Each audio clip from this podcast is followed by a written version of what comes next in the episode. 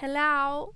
Mitt navn er Alice Jacobsen, og velkommen til min podkast 'Generasjon inspirasjon for musikalske spirer'.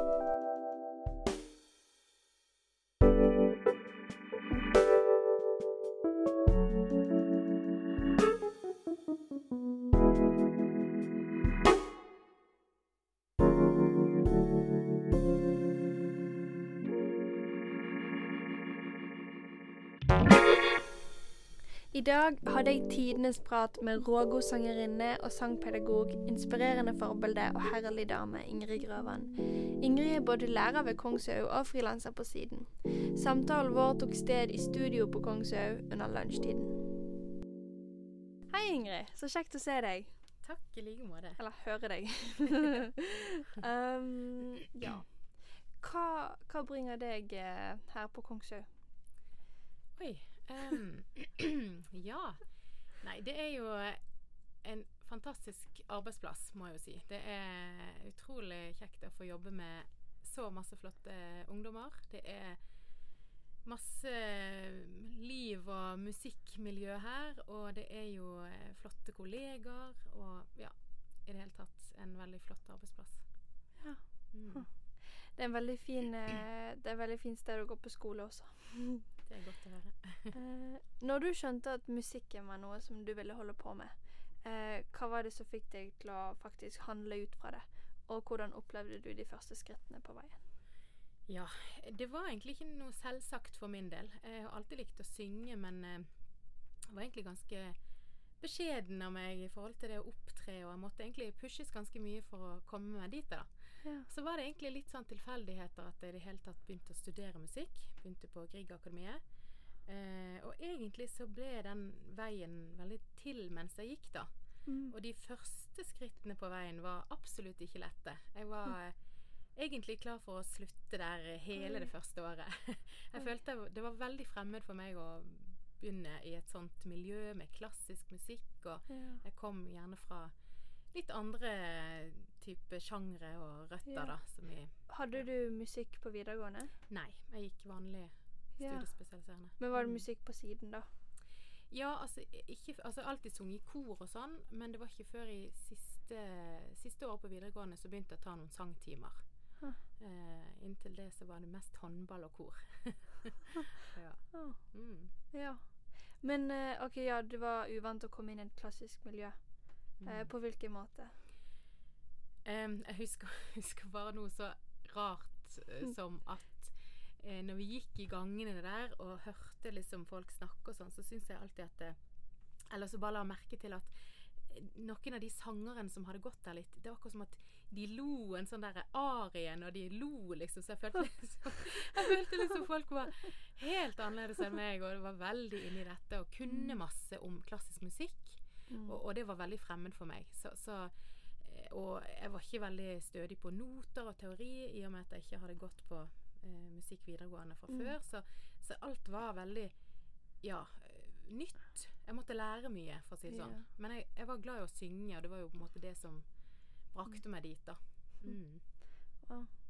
Um, hvordan måtte du liksom studere noter og sånn på fritiden, da? Helst. for, for det var jo en opptaksprøve her. Mm. Eh, og der var det jo også en teoridel som jeg ikke besto, faktisk. Så det var litt sånn Det var veldig flaks for meg å komme inn det året uten teorien. Så, så jeg fikk jo egentlig beskjed om at jeg burde jobbe med dette over sommeren før jeg begynte. Mm. Um, skal jeg innrømme at det gjorde jeg ikke. Så jeg fikk en litt sånn der tøff start. Uh, yeah. Men jeg kom meg gjennom det til slutt. Så eh, jeg måtte jobbe en del, ja. Mm. Hvis du, nå når du ser tilbake, ville du anbefalt ditt tidligere jeg å jobbe med det før du begynte? Absolutt. Men det var vel litt det at jeg visste ikke at jeg skulle holde på med dette her, egentlig. Mm. Ja. Mm. Men, men etter Griegakademiet, da? Eller hvordan, hva skjedde? Når, når begynte du å like deg der?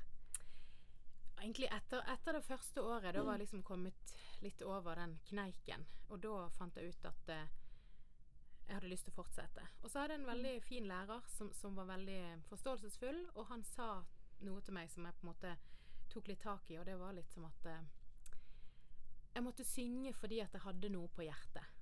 Og det tok jeg med meg videre. Ja. Og det har jeg fortsatt tatt med meg. Ja. Så det Hva er det du har på hjertet, da?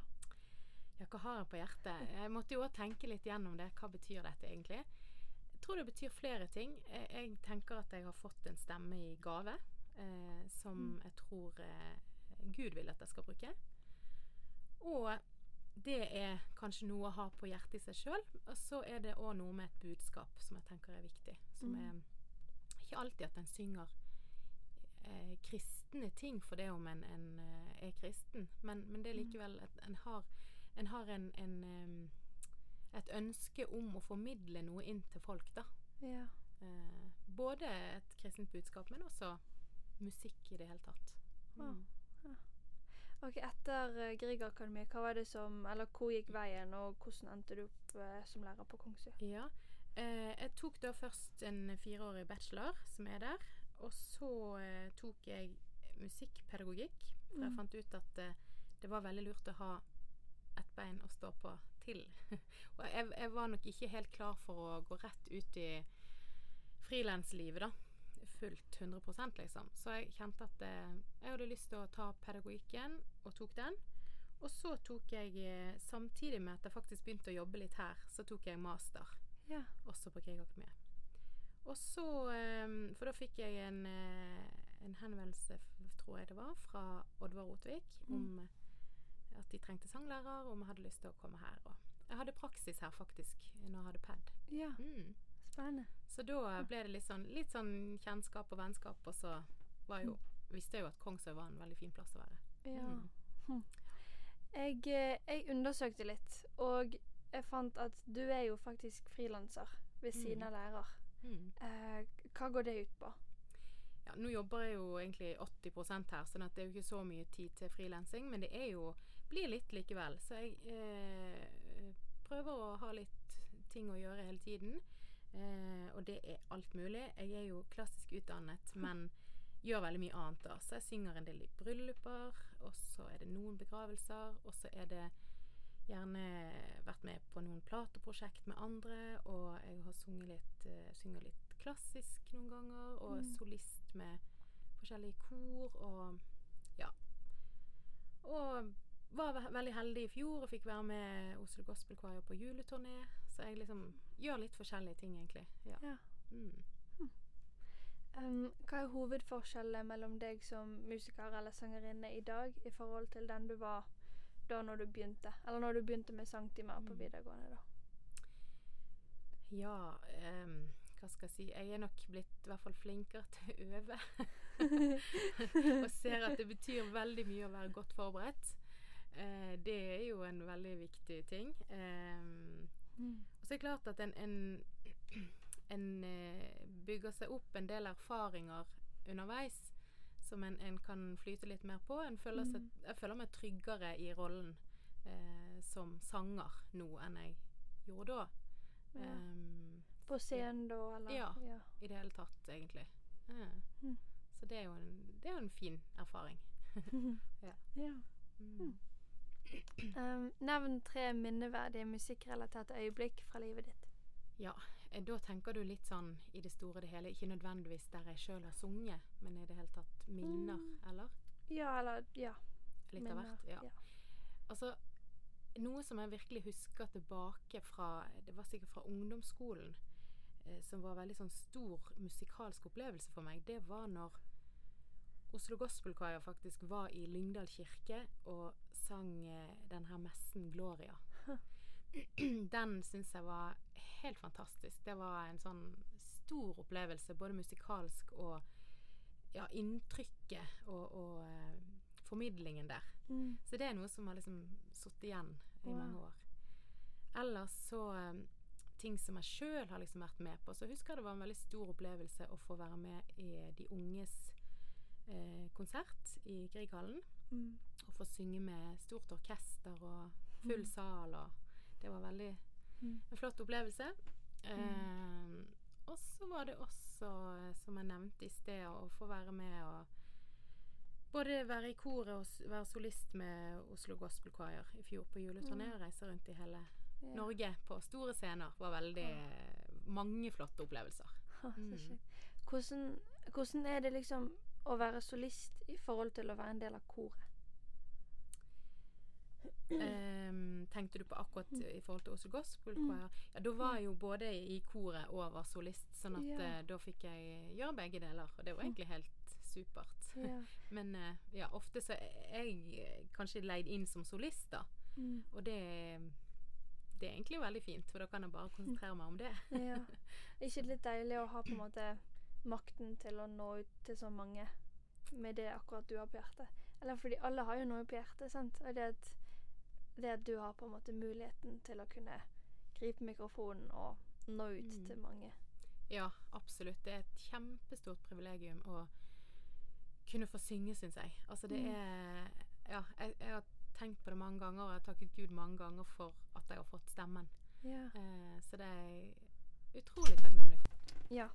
Eh, har du noen tips til sangere? Eller sånn i forhold til sang? Sånn en sangteknikk som man kan øve på, eller hvordan blir man så flink å synge som du er? Oi, takk for det. eh, jo, altså det er jo selvfølgelig å jobbe med pust, støtte. Det, uansett hvilken sjanger en skal synge, da, Mm. så vil det være helt grunnleggende basic. Eh, og så syns jeg òg det er viktig å si at eh, Tenk sånn som her på Kongså for eksempel, som har veldig mange sangere. Så er det veldig viktig å fokusere litt på hva jeg, hva en er, hvem en er sjøl, da. Og ikke tenke så mye på hvem alle andre er, Mm. og sammenligne seg. Så det der å finne sin egen identitet, jobbe med å, å finne det gjennom stemmen og sangen, Mm. i tillegg til å jobbe veldig sånn grunnleggende med pust og støtte, det tenker Mm. jeg er sånn kanskje de hovedpunktene som jeg tenker eh, folk bør ta tak i. Ja. Mm. Wow. Um, øver du mye? Øver du hver dag?